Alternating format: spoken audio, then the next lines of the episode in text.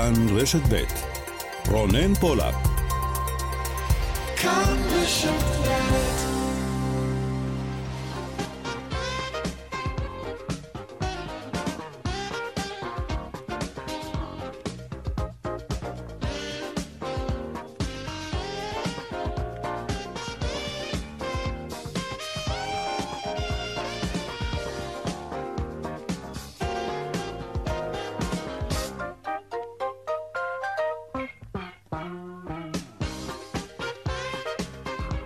עכשיו ארבע ועוד חמש דקות וחצי, צבע הכסף, התוכנית הכלכלית כאן ברשת ב', שלום לכם, תודה שאתם איתנו, מפיק את התוכנית היום, קובי זרח, טכנאי השידור הוא רמי פליקס, אני רונן פולק, המייל שלנו כסף, כרוכית כאן.org.il,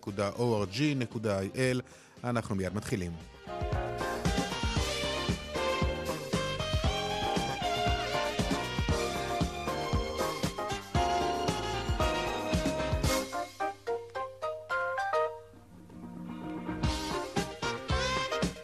כותרות אה, צבע הכסף, אזהרת המסע לטורקיה משעות הבוקר נרשמים ביטולים אה, רבים של החופשות לטורקיה, בעיקר נטליה, אחד היעדים הפופולריים ביותר של הקיץ הקרוב. בחודש שעבר טסו בין ישראל לטורקיה כ-190 אלף נוסעים, כ-12% מכלל הנוסעים שעברו באפריל בנמל התעופה בן גוריון, עוד מעט בהרחבה בנושא הזה.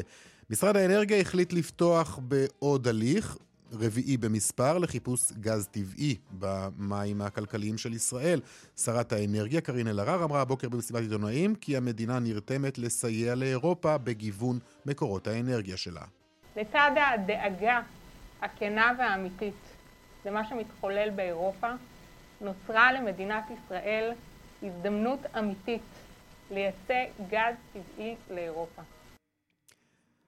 שר האוצר ליברמן מתייחס לפני זמן קצר לעלייה במחירי הדלק. נזכיר, זה יקרה מחר בחצות, עלייה לא נורמלית של 66 אגורות לליטר. אומר שר האוצר, אנחנו לא יכולים לרדוף אחרי כל קפיצה וקפיצה של המחירים, נקבל החלטות אה, אחרי שהמצב יתייצב. מיד נהיה בכנסת עם זאב קם, כתבנו שם. מנגנון המענקים לעסקים בתקופת האומיקרון ישופר. הנושא נידון היום בוועדת הכספים של הכנסת, ומחר יובא החוק לקריאה שנייה ושלישית. במסגרת השינויים, בין השאר, תינתן זכאות החל מירידה של 25% במחזור, במחזור העסקים לכלל העסקים, יוגדלו סכומי המענקים לעסקים הקטנים ב-15% ותתאפשר חלוקת דיבידנד. ועוד בצבע הכסף בהמשך על שוק החלב לקראת שבועות, וגם הדיווח משוקי הכספים כרגיל לקראת סוף התוכנית. צבע הכסף, עד חמש. אנחנו מיד ממשיכים.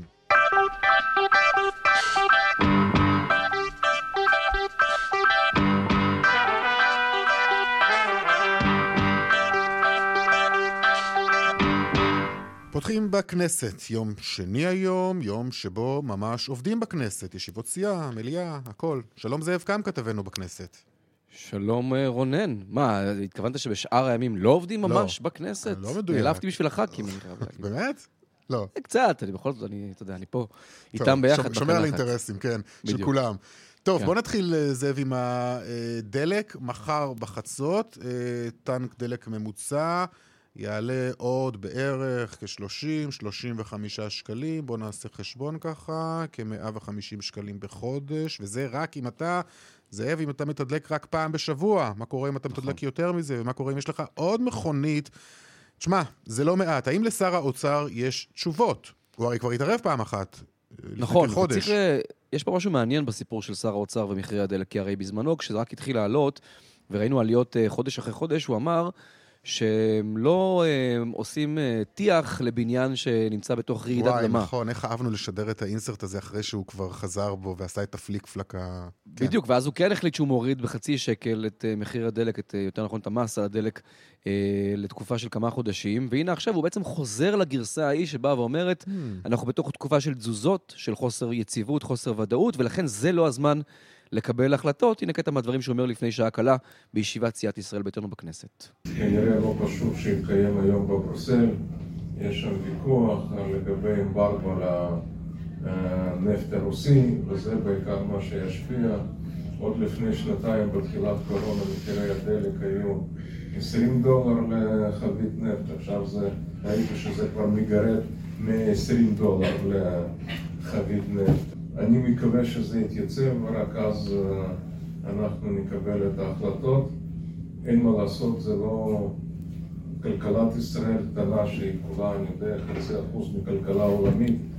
זה גדול עלינו להשפיע על מחירי הנפט בשוק הבינלאומי. אגב, המומחים אומרים שייקח עוד זמן כנראה עד שהמחירים אה, יתייצבו. אנחנו עכשיו סביב 120 אה, דולר, קצת פחות, אבל זה יכול לקחת עוד, אה, עוד זמן. זאת אומרת שיכול מאוד להיות שגם בחודשים הבאים אנחנו נראה עליות מחירים. ואני כבר לא מדבר על העובדה שאותה הפחתה של חצי שקל היא הרי הוגבלה בזמן. מה יקרה בעוד mm. חודש ומשהו כשההגבלה בזמן תסתיים, אז תהיה בעצם קפיצה נוספת של עוד חצי שקל למחיר המאוד גבוה שכבר יש היום. נכון. בקיצור, זה כלומר, סיפור לול, קטן. אגב, לולא ההפחתה הזאת בזמנו, אה, שאז הופחת הבלו על הדלק בכחצי נכון. שקל לליטר, היינו כבר מעל שמונה שקלים, נכון? נכון, זה בדיוק הסיפור, וזה בהחלט אה, שאלה שראוי אה, לקבל עליה תשובה. לא קיבלנו תשובה כש... כמו שאמרנו, את הדברים של שר האוצר שמעת, אין תשובה ברורה וחד משמעית, משהו כזה שבא ואומר, זה פחות תלוי בנו, קשור בעולם, ודברים שהם ככה גדולים מאיתנו. לגמרי. עוד דבר שקשור, שקשור mm-hmm. אליו הוא גם בוויכוח תקציבי. זה הסיפור של שכר המורים, אומר שר האוצר ליברמן באותה ישיבת סיעה, אני בעד להעלות את שכר המורים, אבל אני רוצה שגם יהיה קריטריון של הצטיינות ושל התנהלות של המורים עצמם והתפוקה שלהם, ובעיקר הוא רוצה, וזה אומר שזו גם לא דרישה חדשה של משרד האוצר, שיהיה סינכרון, סינכרון בין החופשים של המורים לבין לוח השנה והחופש של המשק, הגיוני. שבעצם הדבר הזה יהיה חופף, ולכן זה בעצם סוג של תנאי שלהם, וכשמיד אחריו מדבר שר המשפטים גדעון סער, חבר סיעתה של שרת החינוך שאשא ביטון, והוא נותן גיבוי לה ולדרישה שלה להורדה משמעותית של שכר, סליחה, לעלייה משמעותית של שכר המורים, mm-hmm. אם תרצה, בלי להתחשב באותם תנאים שהציב שר האוצר. ומשפט אחרון לגבי העימות בתוך הקואליציה. רגע, מה, לגב, נכון לגבי חבר הכנסת מיכאל ביטון? כן. שהוא, הוא, הוא, הוא, נזכיר, הוא איים שלא להצביע עם הקואליציה, נכון? הוא כבר שבוע כמעט לא מצביע עם הקואליציה, זה התחיל מיום רביעי בשבוע שעבר, בעקבות המחלוקת שלו עם הרפורמה בתעריפי התחבורה הציבורית של משרד התחבורה, של מול השרה, שרת התחבורה מרב מיכאלי. אז אין תשובה, אין עדיין פתרון, אין אפילו אה, אה, הבנה אה, של חלק מההסכמות, יש רק הסכמה שהכל אה, יוקפא בשבועיים. כלומר, שבועיים עכשיו אמור ראש הממשלה להתערב בנושא הזה. רגע, למה, למה זה יוקפא? ראש הממשלה דיבר איתו? הוא ביקש ממנו? כן, ראש הממשלה פנה למיכאל ביטון, אמר לו, אני רוצה עכשיו להיכנס לעובי הקורה, לבדוק את הנושא הזה, תקפיא את המחאה, לא את הרפורמה אגב, הרפורמה לא מוקפאת, אלא תקפיא אתה את המחאה שלך אה, בתוך הקואליציה לשבועיים. בזמן הזה אני אנסה לראות את העניין, איך אפשר לפתור, מה אפשר לעשות. שרת התחבורה, אגב, אני חייב להגיד, שופכת מים קרים על ההסכמה הזו להקפיא את העימות לשבועיים, כי היא אומרת, הרפורמה אה, היא עניין סגור וגמור ולא mm. תשונה. אם תרצה, יש פה איזושהי קריאת כיוון שאומרת, אתם, רוצים, אתם רוצים ככה לבחון את זה שבועיים, בכיף. אני את שלי אמרתי. אוקיי, טוב. אה, זה... מעניין פה, רונן. כן, אני לא אומר שלא, מעניין, כן, בימים האלה שאתם אה, עובדים. מעניין. אה, תודה. מודה לך, להתראות. להתראות. עכשיו לאזהרת המסע לטורקיה, המטה לביטחון לאומי חידד את אה, אזהרת המסע לטורקיה, אה, שמענו על זה הבוקר, החשש הוא לפיגועי נקמה, והאזהרה עכשיו מוגדרת מדינה אה, ברמת סיכון גבוהה לישראלים. שלום לך, שרון עידן, כתבנו לענייני תיירות. רונן. והאזהרה הזאת יוצאת בתזמון מאוד מאוד אה, מטריד אולי, אם נגדיר זאת כך, רגע לפני חופשות הקיץ, כשיעדי התיירות בטורקיה, נדמה לי בעיקר נטליה, בביקושי שיא. תשמע, לא סתם ביקושי שיא, כי אם אנחנו לוקחים בחשבון, אה, רונן, שבכלל טורקיה עברה את יוון, אה, בחודשים האחרונים, בעיקר מאז הביקור של הנשיא הרצוג שם, אז באמת מדובר על אה, פוטנציאל, נאמר, לבעיה לא פשוטה. רק לסבר לך את האוזן, אם רוצים לראות את המספרים של הישראלים במהלך אפריל כדי לקבל מושג, תשמע, אנחנו מדברים על 1,066, 1,066, סליחה, טיסות לטורקיה, 18 טיסות ביום, ממוצע של 179 נוסעים אה, במטוס, כמובן שחלק גדול מזה זה גם לקונקשנים, אבל עדיין עשרות אלפים גם לאזור אנטליה, לאזור בלק, לאזור קמר, אלניה, כל הריביירה, מרמריס דלמן, באמת מספרים מאוד מאוד גבוהים, ובאמת כרגע כתוצאה מאותה אזהרת מסע קורים שני דברים. קודם כל, כן יש גם ביטולים, אם אתה שואל את חברות הנסיעות, הן אומרות שלא כל כך, וזה לא רק יצא הקטה. נקודה השנייה היא האם יש הזמנות חדשות, כלומר האם באמת אנשים mm-hmm. ממשיכים להזמין, זאת כמובן נקודה שצריך לשים אליה לב, משום שבחלק גדול מהמקרים, אה, טיסות לטורקיה למשל, אם אדם לא ביטח את הטיסה והמטוס בכל מקרה יצא, חבילה בכל מקרה לא מבוטלת, בעצם זה עליך, וגם את הדבר הזה צריך כמובן אה, לקחת אה, בחשבון. אה, אני כן מוכרח לומר ש... יש לא מעט אנשים שאומרים אנחנו טסים כרגיל, כלומר אנחנו יודעים שיש הרבה מאוד אזהרות מסע על הרבה מאוד יעדים, הדבר הזה הוא לא חדש, ואנחנו אה, לוקחים במרכאות או שלא את הצ'אנס בעניין אה, הזה, אבל כן מדובר על מספרים עונן מאוד מאוד גבוהים של אה, נופשים שאמורים היו לצאת, כולל אגב ממש בסוף השבוע, בסוף השבוע הזה שבו אה, חג השבועות. אה, ובאמת יהיה מעניין לראות מה יקרה בשטח, האם באמת בסופו של דבר נראה mm. ביטולים רבים. אגב, ראיתי ש-12% מכלל הנוסעים שעברו באפריל במדינת התעופה בן גוריון, הם כאלו שנסו, שטסו לטורקיה. נכון, אבל שוב, אני מציע תמיד להסתכל על הנתון הזה גם בהקשר של ה connection. אה, נכון, אומרת, אוקיי. אל תשכח שחלק עצום מהנוסעים טסים בטורקיה שמפעילה עשר טיסות ביום לאיסטנבול, וממנה ממשיכים ליעדים אחרים באירופה, לארה"ב, אפילו למזרח. את זה צריך לגלם. כשאתה מסתכל למשל על אנטליה במהלך אפריל, mm-hmm. וזה באמת נתון מעניין, כי אנטליה זה point to point, כלומר זה אנשים שטסים לנופש באנטליה, אתה רואה מספרים של מעל 40 אלף במהלך אפריל, אני מניח שמספרים דומים אנחנו נראה גם במאי, כולל חג השבועות, זאת בהחלט עלולה להיות מכה אה, לא פשוטה, במיוחד הייתי אומר להזמנות העתידיות, יותר מאלה שכבר הזמינו רונן. אוקיי, okay, אגב, אה, ממש מילה לסיום, כי עוד מעט אני אמשיך בנושא הזה של טורקיה, אבל אה, יש איזושהי בשורה בסוגיית אה, מצוקת הדרכונים? כן, תראה, קודם כל אנחנו צריכים להדגיש כי לגבי הדרכונים, רשות האוכלוסין וההגירה מפרסמת לפני שעה שהיא פתחה עוד אלפים רבים של תורים לדרכונים זמניים, לא לדרכונים mm. רגילים, וזאת נקודה חשובה. כלומר, מי שאמור לטוס, לצורך העניין, בחגי תשרי, לא הייתי ממהר לקבוע תור לדבר הזה, אלא קובע תור רגיל, רגיל. גם הרבה יותר זול. בדיוק, אבל מי שיודע שטיסה שלו עלולה להתבטל, אז המספרים שמפרסמת רשות האוכלוסין ממש מלפני שעה, זה שנפתחו עוד כ-4,000 תורים למהלך הימים הקרובים ביוני, ועוד נדמה לי 16,000 ליולי, זה בלך, סליחה, ליוני, זה למי שכאמור מגיע לאותו סניף בבני ברק שמתעסק בדרכונים זמניים, דרכונים לשנתיים, שהעלות היא כמובן הרבה יותר גבוהה משל דרכון רגיל. אוקיי, שרון עידן, תודה לך. תודה לך, רון. אנחנו ממשיכים בסוגיית uh, טורקיה ואזהרות המסע לשם, אזהרת המסע לשם. שלום לך, אילן שלו, סמנכ"ל השיווק, קבוצת קווי חופשה, שלום. ערב טוב, רונן. מה קורה אצלכם מאז שפורסמה אזהרת המסע הזאת? מאז שפורסמה אזהרת המסע הזאת, אה, סך הכל כאילו עסקים אה, כרגיל. אני חושב שה... מה שאנחנו רואים היום זה מה שלמדנו להכיר גם מן העבר, שהישראלים יודעים לקחת אה, את מכלול הנתונים, לשקלל אותם ולקבל אה, את ההחלטות אה, בצורה, בצורה שקולה, הגיונית ולא... רגע, אבל מה זאת אומרת צורה שקולה והגיונית? אני חושב על עצמי סתם בתור נוסע עכשיו. אתה יודע, אומרים לי יש אזהרת מסע, יש אה, חש... אה, מחדדים אה, סוגיה שהיא די רלוונטית לטיסה שלי, או, ל... או ליעד שבחרתי, אז אתה יודע, אני כן חושב פעמיים, אני כן, כן שואל שאלות. לגמרי רונן, ועדיין כאילו אזהרת מסע מעולם לא עזבה את אנטליה, היא תמיד, אה, אנטליה, אני אומר, את טורקיה. היא תמיד הייתה קיימת. ואכן היו תקופות ארוכות מאוד שישראלים הדירו את רגליהם מטורקיה. ואז אנחנו רגע מחלקים רגע את הקהל הישראלי ואנחנו אומרים ישראלים ואנחנו אומרים מגזר ערבי, אוקיי? היעדים אה, טורקיה היא יעד שמושך אליו קודם כל, בראש ובראשונה, המון המון אה, מהמגזר הערבי, שיודעים mm-hmm. לזהות וליהנות כאילו ממה שהיעד הזה יכול להציע להם, ולאחרונה באמת נכנס, נכנסה למעגל גם כל, האוכלוס, כל הקהל הישראלי. היהודי, אוקיי? כן. היהודי, אוקיי? אז uh, כרגע מבחינת אזהרות מסע, הקהל, הקהל של המגזר הערבי מעולם לא באמת uh, נתן לזה משקל uh, בשיקול דעת uh, אם כן לצאת ליעד מסוים או לא לצאת ליעד מסוים.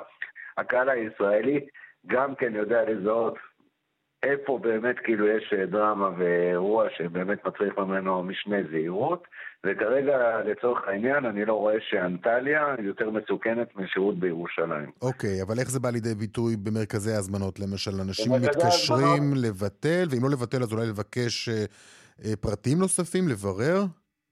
בואו רגע נשים רגע דברים על דיוקם, כאילו מבחינת החוק. אנחנו כפופים לחוק הגנת הצרכן, מאפשרים לכל לקוח אה, לבטל על פי חוק הגנת הצרכן הזמנה.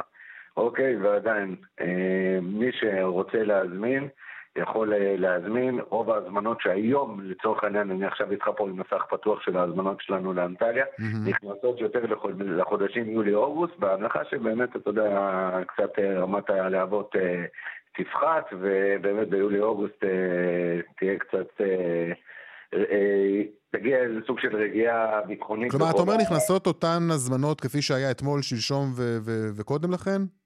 אני יכול להגיד לך שבטווח הזמן המיידי יש איזה סוג של האטה מסוימת, לא אהה. משקר, נדייק ונשים את זה על השולחן, אבל אם אני מסתכל על יולי ואוגוסט, אני רואה גם משפחות ישראליות, גם משפחות מהמגזר הערבי, מזמינות אה, לחודשי הקיץ ולחגי תשרי. אה, זו התמונה ש... שמשתקפת מהלוח הזמנות אצלנו כרגע נכון להיום. תגיד, מה לגבי האנשים שבכל זאת אה, יבקשו? אני לא יודע אם קיבלתם פניות כאלו לבטל חופשות, אה, יקבלו את הכסף שלהם בחזרה? זה- אלה טיס- בגדול- אלה- אלה טיסות מבוטחות? חופשות? הטיסות מתקיימות כסדרן, אין שום שינוי, הטיסות מתקיימות, המוצר מתקיים, המלון מתקיים. אה, אם לקוח ממש מתעקש או רוצה אה, לבטל או לשנות יעד, אנחנו כן פתוחים וכן קשובים וכן נותנים מענה לכל אה. סוג.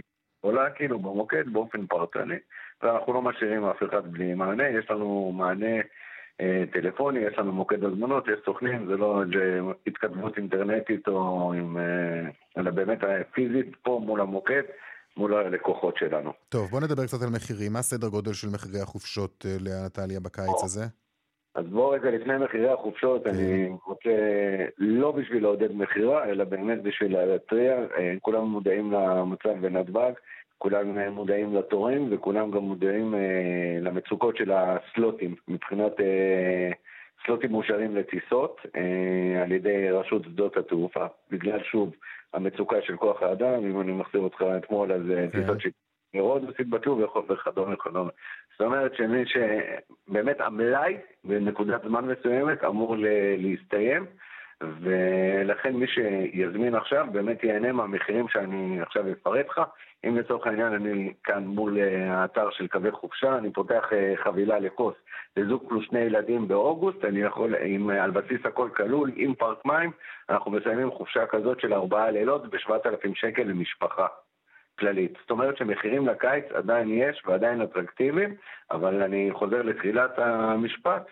7,000 שקל, זה מה שאתה אומר? זה כרגע המחירים? לגמרי, לצורך העניין... משפחה, אה, ארבעה לילות בכוס. משפחה, ארבעה לילות, מלון קטריות, אני לא רוצה לעשות פרסומות. כן, לא, לא, לא, סתם, בסדר, אני רוצה לדבר, גם סדר גודל של מחירים זה דבר- זה דבר מעניין, כן. אה, אני מדגיש שזה החל מ... אבל זה קיים ביולי במספר תאריכים. אה. אלו לא עוד. תגיד, מעבר לאנטליה, אלו עוד יעדים פופולריים? יוון מאוד מאוד חזקה, אנחנו רואים אה, תנועה קוס חוזרת אחרי שנתיים שהייתה סגורה, אז היא. שוב יוצרת אה, ביקושים. אנחנו רואים תנועה לכרתים, שהייתה תמיד אה, יעד מאוד פופולרי, רודוס, מיקונוס, סנטוריני, שהתחילו עכשיו טיסות של בלוברג ליעד הזה. ומה הסדר גודל של המחירים לאותם יעדים? אז כמובן שיש תאים היותר יקרים אה, מסורתית, שזה מיקונוס, סנטוריני, ששם המחירים באמת יכולים להגיע גם לחופשות של 30 אלף שקל למשפחה.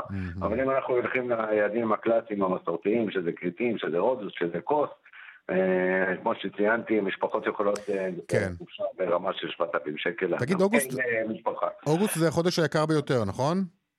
אוגוסט, אה, כן, הוא היקר ביותר, ומסורתית גם כן, אתה יודע, זה לא איזה משהו חדש. אה, מהרגע שמסתיימות הקייטנות, אה, בעצם כל המסה הקריטית... הכל עולה. עכשיו בוא, בוא. ננסה לדמיין חופשה של משפחה ליעד אקזוטי כזה או אחר באוגוסט, אל מול אותו יעד חודש אחר כך, או אולי גם חודש יוני למשל, עוד לפני סיום החופש. מה הפער?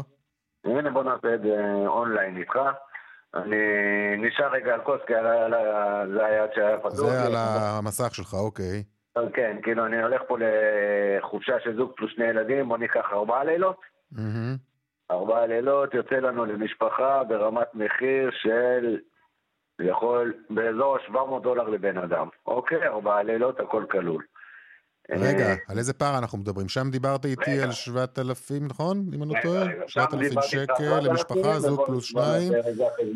כן, תעשה בוא חשבון. קצת קשה לי אה, פה עם כולה ארבע החשבון עכשיו. וחצי, בערך אה, 2,000 שקל יותר, 2,500 שקל יותר למשפחה באוגוסט.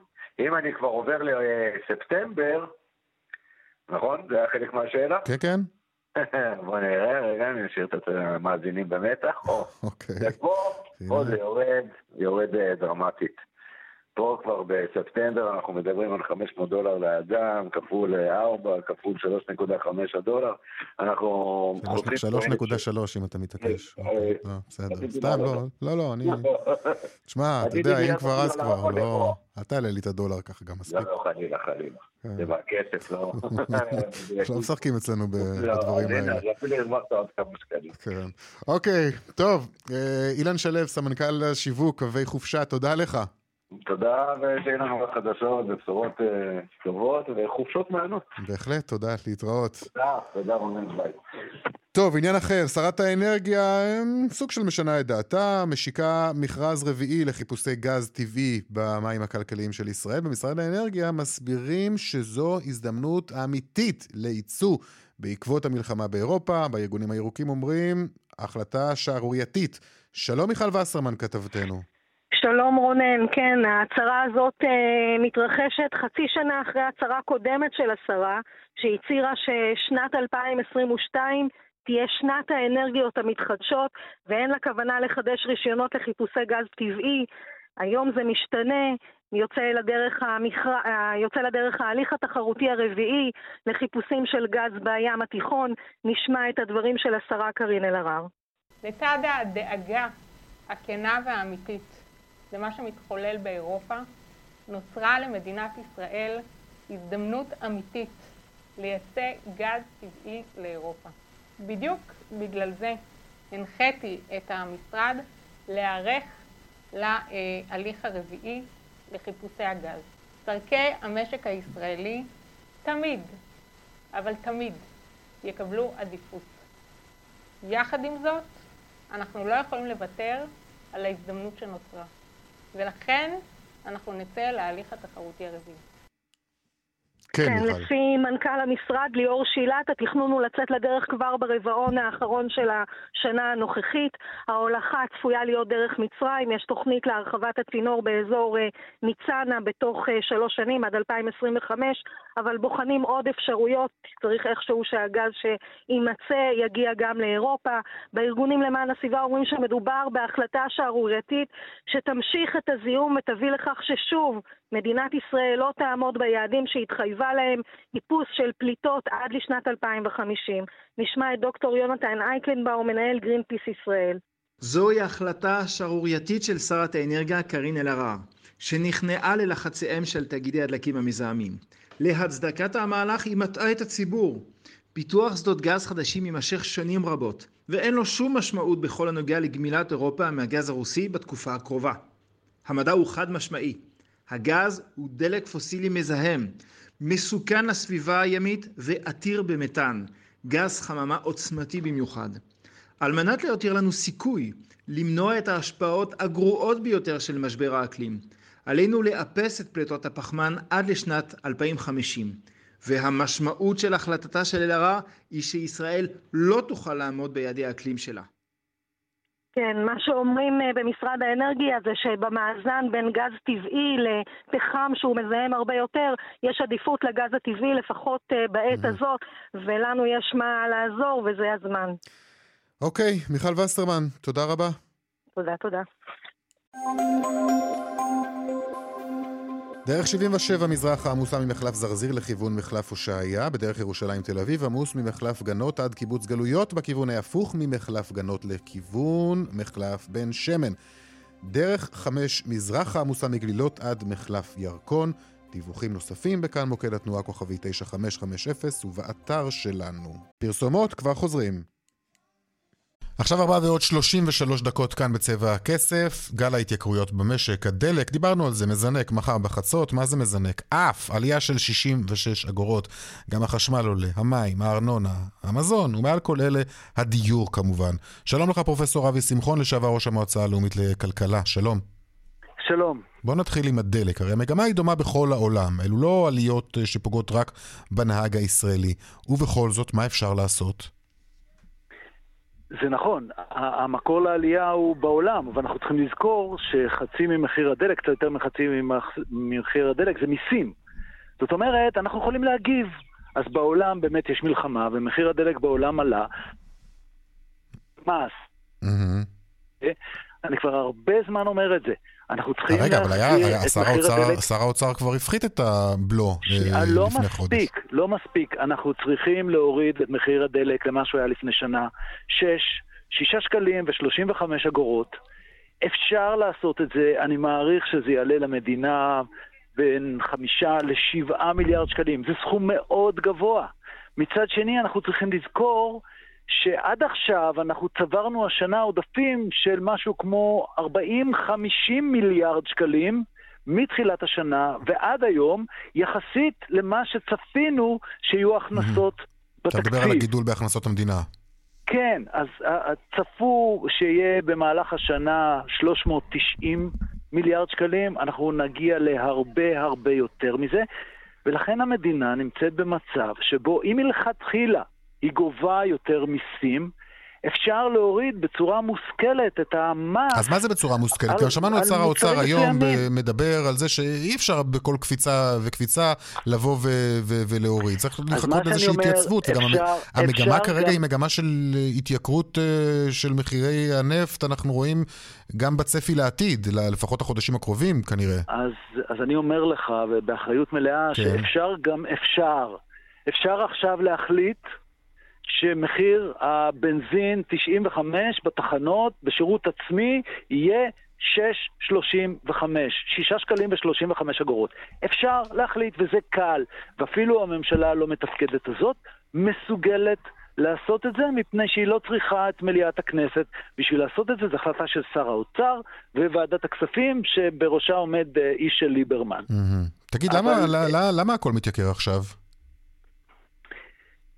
יש לזה שני מרכיבים. יש את המרכיב העולמי, ואין שום ספק שיש כל מיני דברים שקורים בעולם שגורמים להתייקרות. תראה, בארצות הברית, אתה יודע, אה, כשאני יזמתי פה את העברת 750 שקל לכל אזרח, מאוד כעסו עליי. אבל בארצות הברית, כמעט כל האזרחים קיבלו פי עשר מזה. משהו כזה. אנחנו מדברים על הרבה אלפי שקלים. טוב, כי הייתה בזה, אתה יודע, בסוף, בוא, לא, זה, חלק דיברו על כלכלת בחירות, דובר על כך שגם זה לא שוויוני, שאדם מהמעמד של העשירון העליון... לא, זה הדבר הכי שוויוני בעולם. למה, למה, אתה, למה זה שוויוני? אני אגיד לך למה זה הדבר הכי שוויוני בעולם. זה היה צריך להיות, הייתה צריכה להיות דיפרנציאליות, זו, זו הייתה אגב הטענה, ש, של לתת למי ש... שאלת כן, שאלה, כן, ותן לי רגע לענות, למרות שזה לא נושא השיחה, אבל אני, אני שמח לענות על זה. אוקיי. תראה, אה, האלטרנטיבה, מה שעשו בהרבה מדינות, זה להוריד את המע"מ. עכשיו, אם אתה מוריד את המע"מ באחוז אחד, בן אדם שמוציא 50 אלף שקל, או משפחה שמוציאה 50 אלף שקל, מקבלת הטבה של 500 שקלים. משפחה ענייה יותר, שמוציאה רק 10,000 שקל בחודש, מקבלת רק 100 שקלים. זאת אומרת, זה לא שוויוני. מה שאנחנו עשינו, עשינו את האמצעי הכי שוויוני שיש, וזה לתת לכולם אותו דבר. בארצות הברית נתנו משהו כמו 5,000, 6,000, 7,000, תלוי באיזה קטגוריה, לנפש. וחלק אה, אה, מזה זה אחרי הבחירות, כך שזה לא רק עניין של בחירות. אז מה שאני רוצה להגיד זה שיש היום עודפי גבייה מאוד גדולים, וצריך באמת ממשלה מאוד מנותקת מהמציאות, על מנת שלא תבין שאנחנו הולכים פה לצונאמי של עליית מחירים, כי עליית מחירי הדלק תביא בעקבותיה עלייה של מחירים נוספים. זה לא רק דלק. כל אחד היום שמייצר, שמוכר, יגיד, רגע, עלה מחיר הדלק, אז, אז גם אני צריך לעלות. אז נכון, אז הוא צריך לעלות בחצי אחוז, כי זה ההשפעה על ההוצאות שלו. Mm-hmm. אבל הוא ייקח את ההזדמנות הזאת וכבר יעלה בשלושה אחוזים. ומה אתה תעשה אז? ואז זה כמובן ייקר את המשכנתאות, כי אתה יודע שיש רכיב מאוד גדול של הצמדה למדד בתשלומים החודשיים של, אה, של המשפחות שיש להן משכנתה קיימת. לכן היה צריך לעצור את זה כשזה קטן יחסית, כשאפשר, וזה היום. מחר זה יהיה מאוחר מדי. אוקיי, okay, תגיד, מה אתה חושב על הצעדים של בנק ישראל במלחמה באינפלציה? ואנחנו יודעים בסופו של דבר העלאת אני... ריבית, משהו שישפיע על כל אחד מאחד מאיתנו אה, כבר בהחזר המשכנתה הקרובה, נכון? נכון. תראה, אני לא רוצה אה, לשפוט את בנק ישראל, יש לו את המנדט שלו, הוא חייב לעשות דברים על מנת לבלום את עליית המחירים. אם הממשלה הייתה מצליחה לבלום את עליית המחירים, בנק ישראל לא היה צריך להתערב ולהעלות את הריבית. מאחר שהממשלה לא מצליחה, הוא נדרש לאמצעים היחידים שיש בידיו. כן, אבל גם זה משהו שקורה בכל לא העולם. טובים. זה אמצעים, זה נכון, זה קורה בהרבה מאוד מדינות, אבל זה אמצעים לא טובים. למה הם לא טובים? כי הם ממתנים את עליית המחירים לא על ידי זה שזה יסייע לאנשים לרכוש דירה איפה שהם רוצים, אלא להפך, זה יקשה עליהם. העלאת הריבית היא מקשה על אנשים לקנות דירות, כי הם עכשיו צריכים לשלם יותר, ולכן פחות אנשים יוכלו בכלל להגיע לשוק הדיור, וזה ימתן את עליית המחירים. אז זה לא ממתן את עליית mm-hmm. המחירים כי יהיה לאנשים יותר קל לקנות דירה, אלא כי יהיה להם יותר קשה לקנות דירה. זאת הדרך הלא נכונה לעשות את זה, אבל אני חושב שבנק ישראל הוא, הוא בנק ישראל, יש לו רק כלי אחד, זה הריבית. ולכן אי אפשר לבוא אליו אה, טוב. בטענות מילה שהוא על... נאלץ לעשות מילה את זה. מילה על ההייטק, זה משבר של ממש? זה משבר של ממש, זה משבר גדול, אבל מרבית ההייטק הישראלי אה, אה, הצטייד כבר בהרבה מאוד מזומן. תראה, ההייטק הישראלי זה לא בועה. אתה יודע, בשנת 2000 היה הרבה מאוד חברות שהיו. חברות בועה. ההייטק הישראלי ברובו הגדול, אותם חדי קרן, אלה חברות שמוכרות בהרבה מאוד כסף. אה, חלק גדול מהם עדיין משקיעות בלהגדיל את נתח השוק שלהם. ההייטק הישראלי הוא דבר מאוד מאוד אמיתי ורציני. אז כן, הוא יסבול משבר, מפני שהוא לא יוכל לגייס את הסכומים שהוא התרגל לגייס, אבל החברות הטובות צברו הרבה מאוד מזומן שיאפשר להם לצלוח את המשבר הזה, אז אני לא צופה פה okay. אוקיי. מכה קשה לסקטור ההייטק, אבל זה יהיה בהחלט אירוע לא נעים. פרופסור אבי שמחון, לשעבר ראש המועצה הלאומית לכלכלה, תודה רבה לך. להתראות. להתראות. טוב, עניין אחר, אחרי יותר משנתיים של משבר הקורונה, כן? ביום רביעי בחצות, אה, יפוג המצב הבריאותי המיוחד שבו הייתה ישראל בשנתיים האלו, ולמהלך הזה יש משמעות בעיקר סמלית, אה, הקורונה כבר מאחורינו. ואיך זה קשור למצב המשק? אז כמובן, במשך שנתיים כאן דיברנו על המפסידים ועל המרוויחים מהמגפה הזאת, רשתות השיווק למשל, שצמחו בטירוף. התיירות הייתה בקריסה. אז הנה עכשיו כנראה שהמצב הזה מתהפך. שלום תמיר בן שחר, אה, מנכ"ל חברת הייעוץ הכלכלי-שיווקית שמאנסקי בן שחר, שלום. צהריים נפלאים. מה שקורה, איך שגל, מה שנקרא, איך שגלגל מסתובב לו. אבל בואו נדבר על הדוחות הכספיים. למשל, של רשת ויקטורי, יוחננוב, שהוצגו היום, הם עולה כי שתי הרשתות האלו, רשתות השיווק, חוו ירידות ברווחים ברבעון הראשון של השנה. מצד שני, רמי לוי דווקא עם רבעון מעולה, עם שיא בהכנסות וברווחים. מה קורה? קודם כל אה, צריכים להבין שאנחנו חוזרים לעולם של 2019 עם השינויים שהאירועים של השנתיים האחרונות אה, יצרו. למה הכוונה? בשנתיים האחרונות ההתנהגות הצרכנית שלנו השתנתה. אה, היינו בבית ויותר קנינו מוצרי מזון הביתה כדי להכין אוכל כי גם היינו כלואים. אז הרשתות בשוק המזון צמחו בקצבים מטורפים. אחרי uh, התקופה הזאת, שחזרנו לחיים הרגילים, חלקנו נמצאים בחו"ל, חלקנו הולכים למסעדות, והשוק חזר להתנהג כמו שהוא היה ב-2019. פחות מכינים פיצה בבית ויותר... אז מי שמנצח זה אלה שיודעים לעשות את כן. הדברים יותר טוב. כן. אמ, עכשיו, מבחינת המרוויחים והמפסידים, אז הענפים שיעברו לרווחים מעתה מן הסתם, אנחנו כבר רואים את זה, התיירות, המסעדות, האטרקציות, נכון? שם תקופת אה, שיא עבורם. כן, מה שקרה בתקופת הקורונה ואחרי, ואחריה זה שלמרבית האנשים מצבם מוטב. אה, אנחנו מכירים את הצמיחה במשק, זה פעם אחת, פעם שנייה המדינה שפכה הרבה מאוד כסף, אם זה במענקים ואם זה בחל"תים למיניהם, ויצרה תחושה של רווחה אה, ובזבוז. ואנשים שיצאו מהקורונה, מהסגרים, גם צרכו הרבה מאוד, בהיקפים מאוד גדולים, ויש חנויות ש... ורשתות ותחומים שנהנו מזה מאוד. חזרנו למסעדות, אנחנו חוזרים לבילויים, והתנפלנו על כל חנות שיש בקניון במרכז מסחרי פתוח ואחר, על מנת בעצם להוציא את מה שחסכנו בתקופת הקורונה. Mm-hmm. היום כללי המשחק משתנים. רגע, אבל עכשיו, אוקיי, בוא נדבר על מה שקורה ברשתות האופנה. אנחנו ראינו למשל גם אתמול, רשת פוקס הציגה אה, הפסדים אחרי רווחים נעים ב- ב- בשנתיים של הקורונה. סדר גודל של בין 15% מהקניות שלנו, בחיים רגילים ולא סגרים, אנחנו מוציאים אותם בקניות בחו"ל. אהה. השמיים היו סגורים שנתיים, היו לנו רק את החנויות פה בארץ. עתה, אנחנו רואים הרבה מאוד אנשים נוסעים לחו"ל, דוחים את הקניות פה בארץ, יוצאים עם מזוודות ריקות וחוזרים עם מזוודות מלאות, חלקן עם מוצרים שנמכרים פה בארץ, אבל שם קונים אותם ב-20 ו-30 אחוז פחות ממה שקונים פה בארץ. ולכן אנחנו רואים את השינוי. החנויות, אמרת מנצחים, אז זה חנויות בחו"ל, החנויות פה בארץ, אה, הפדיונות יקטנו בהתאם למצופה גם על ידם. יכול להיות שגם הציבור קצת נקמן, והוא אומר, העלו לנו את המחירים פה, אנחנו נקנה במקום אחר? סוגיה אה, מרתקת. הצרכן הישראלי לא פחות נקמן, אה. אה, יותר קונה ובוכה. כן, מש, באמת? משלם כל מה שיבקשו? אנחנו רואים את זה לאורך כל ציר הזמן. אנחנו לא עושים חרמות, אנחנו לא יוצאים במחאות יותר מדי גדולות. זה היה קצת עם עליית אה, מוצרי המזון לפני כמה חודשים, אבל המחירים כאן, ודיברת מקודם, קרימה? בשמחון, המחירים כן. עולים. אנחנו, מה, אתה רואה בנו כצרכנים פראיירים? אני לא אוהב להשתמש במונחים האלה, אבל אני חושב שה... אה, גם בעקבות הקורונה ובכלל, אנחנו צרכנים ישראלים נהנתנים אה, שחיים את הרגע, יודעים לצרוך, לבלות, ליהנות, פחות חושבים על המחר. חבל, חבל. אה, צריך להיות גם צרכן אה, נבון, ולפעמים זה עובד, המחאות האלה לפעמים עובדות.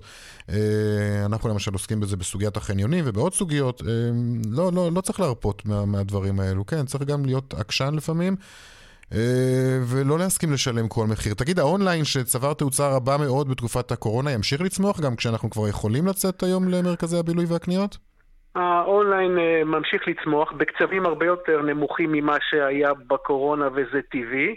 חלקנו התרגלו לרכוש בתקופת אה, הקורונה כי נאלצנו, אנחנו ממשיכים לעשות את זה, אבל אנחנו בסוף גם חיה חברתית. הצרכן הישראלי הוא בכל מקום בעולם אה, רוצה לשוטט, רוצה לקנות, רוצה לפגוש אנשים, ולכן אנחנו תמיד נראה את העירוב, את השילוב בין קניות באונליין לחנויות הפיזיות. זה לא יהיה או זה או זה. להערכתנו אנחנו נהיה במצב של 60-70 אחוז חנויות פיזיות, 30-40 אחוז, תלוי באיזה תת שוק, נראה את זה באונליין, והשילוב ביניהם הוא זה שיהיה מנצח. תזמין באונליין, תיקח בחנות או בכל מיני דרכים אחרות על, על מנת למשוך אותי כצרכן לחלל של החנות. אוקיי, תמיר בן שחר, מנכ"ל חברת הייעוץ הכלכלי-שיווקית שמאנסקי בן שחר, תודה לך. תודה, ערב מקסים. להתראות.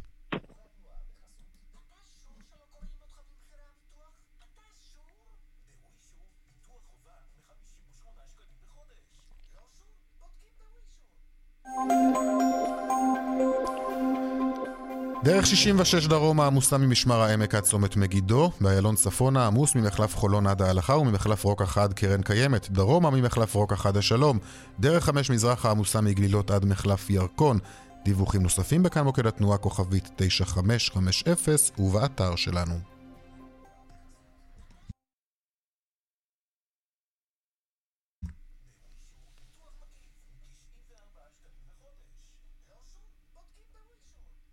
פרסומות, עוד מעט אה, נדבר על אה, מוצרי החלב, עוד מעט אה, שבועות, גם כמובן הדיווח בשוקי הכספים, פרסומות כבר חוזרים.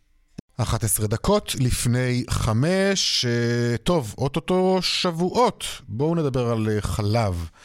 וזה לא קורה רק בגלל החג, אנחנו מדברים כל השנה על חלב, אבל אתם יודעים, הזדמנות חגיגית. שלום ארז אה, וינר, מנכ"ל וילי פוד ויורו מחלבות אירופה, שלום. שלום, שלום. בואו נתחיל בשאלה כללית. כמה כסף מגלגל שוק החלב בישראל? שוק החלב בישראל מגלגל כחמישה מיליארד שקלים. איך מחלקים אותו ואיך אה, הוא מתפלח זה להרבה תתי אה, סעיפים, אבל זה שוק גדול שבסך הכל לאורך שנים הולך וגדל, למרות שהשנה, כפי שהתפרסם, יש איזושהי ירידה, אבל יותר כתוצאה מפיצוי על אה, הקניות של הישראלים בשוק הקמעונאי אל מול הנסיעות לחו"ל והקניות אה, בבתי מלון ובשוק המוסדי. מה זאת אומרת ירידה? אנחנו צורכים פחות מוצרי חלב השנה? אה, אנחנו קונים פחות מוצרי חלב ברשתות השיווק, ברשתות, מה שנקרא בשוק הקמעונאי. ומה, ועברנו, לגב... ועברנו לגבינות יותר אה, בוטיקיות? זה מה שאתה אומר? בסך הכל הכללי אפשר לומר שאנחנו, אנחנו, זה עם ישראל, אה, בגלל שהוא כבר מבלה יותר בחו"ל ונחשף יותר למה שקורה בעולם, Mm. קונה יותר גבינות איכותיות שפעם היה צורך או... זה כמו התהליך שעבר על שוק היין במשך הרבה מאוד שנים? ממש, ממש, בתור מי שהיה מנכ"ל יקב Mm. לשעבר, אז בהחלט אה, תהליך דומה. הישראלי נפתח לעולם, נפתח לטעמים, ואם פעם גבינות כמו ברי, קממבר, פרמיז'ן, נשמעו כמו משהו רק לעשירים, רק ב- במח- במעדניות, אז היום קונים אותם בסופר. אהה. יכול להיות שזה גם קשור לכך שיש ששוק החלב החליפי צומח? אה, לא בהכרח, שוק החלב החליפי אומנם צומח, כמו שבכלל כל העניין של תחליפי בשר ותחליפי גבינה צומחים בעולם כולו, אנחנו קצת אחרי העולם בעניין הזה, גם מספרים אה, לדעתי קצת, אה, נקרא, יותר נמוכים. מה, בחלב? כי בבשר אנחנו דווקא לא, לא, בהובלה. תחליפי, תחליפי, אנחנו בהובלה בייצור ובסטארט-אפים ובטכנולוגיות, לא בהכרח בצריכה.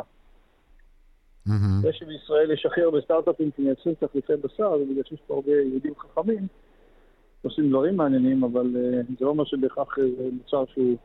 אוקיי, ומה קורה עם שוק ה- ו- ובשוק החלב? שוק החלב, אה, אה, או תחליפי החלב, כן. זה, זה שוק שנמצא גם הוא בהתפתחות.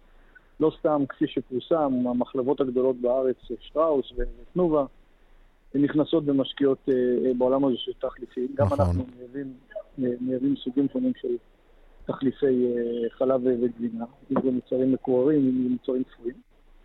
זה עדיין לא שוק אה, שהוא שחקן גדול, אנחנו בסוף מדברים על אחוזים בודדים מהשוק הכללי, אבל בהחלט מזהים שם מגמת אה, צמיחה.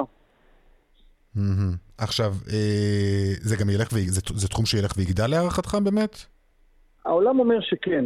אה, אני, והעולם אומר שכן, וההשקעות של החברות הגדולות אומרות אה, שכן. אני לא יודע להגיד לך עד כמה הוא יגדל, אבל בהחלט, ככל שהטעם של הציבור יהיה יותר ענין ויותר מסתכל על סוגיות של, אתה יודע, בעלי חיים, גידול בעלי חיים, אה, מהמם. אה, אז אנחנו נראה גידול גם בעולם הזה. תגיד, יכול להיות שגם תקופת הקורונה בעצם, שהסתיימה כבר, גרמה לנו, אתה יודע, אהבנו לבשל, אהבנו להכין הכל בבית, ולקנות גבינות, ו- וזהו, קצת עבר לנו? כי כן ו... כן- ולא, או אני אנסה להסביר את עצמי יותר בצורה יותר ברורה.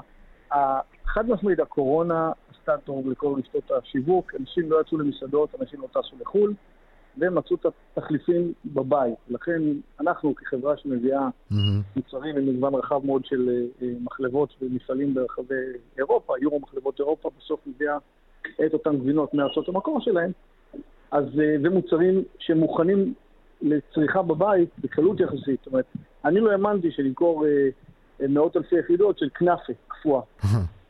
אבל כשעם ישראל יושב בבית ולא יכול להגיע לכנאפה ביפו, אז הוא כנראה מכין כנאפה וכדאיף ובורקס מים. כן, טוב, ועכשיו קצת נוספים. חזרנו למסעדות. תגיד, אה, אה, בוא, נשארה לנו ממש, אה, נשארו לנו כן. עשר שניות ממש. מה קונים לקראת שבועות בעיקר? אה, הגבינות שקונים הכי הרבה זה הגאודה או הגבינה הצהובה למיניה, מוצרלה, ואחריהם בתור כבר מגיעות הגבינות היוקרתיות, הפרמיז'ן, הברי והקממבר. זה יכול- זה סיפור יקר יכול להיות, כל הסיפור הזה של הגבינות. זה- זה לא כמו שקנינו פעם גבינה לבנה או קוטג' בחמישה שקלים. אז גם פה מגוון רחב, אה, אה, אם ראית פרסומים שהיו השבוע על הסלים. המחירים בין הרשתות השונות נעים בהפרשים של מאות שקלים. אנחנו, כמו חברות נוספות, נמצאים במבצעים עמוקים בחג, שני בחצי מחיר, נקבל. כן, כל המארזים למיניהם גם. מחלבות אירופה, אנחנו. גאים בזה שאנחנו מביאים את המוצר הטוב והאיכותי גם במחיר הוגן לצרכן. אוקיי, ארז וינר, מנכ"ל וילי פוד ויורו מחלבות אירופה, תודה לך. תודה לך. להתראות. עכשיו לעדכון משוקי הכספים.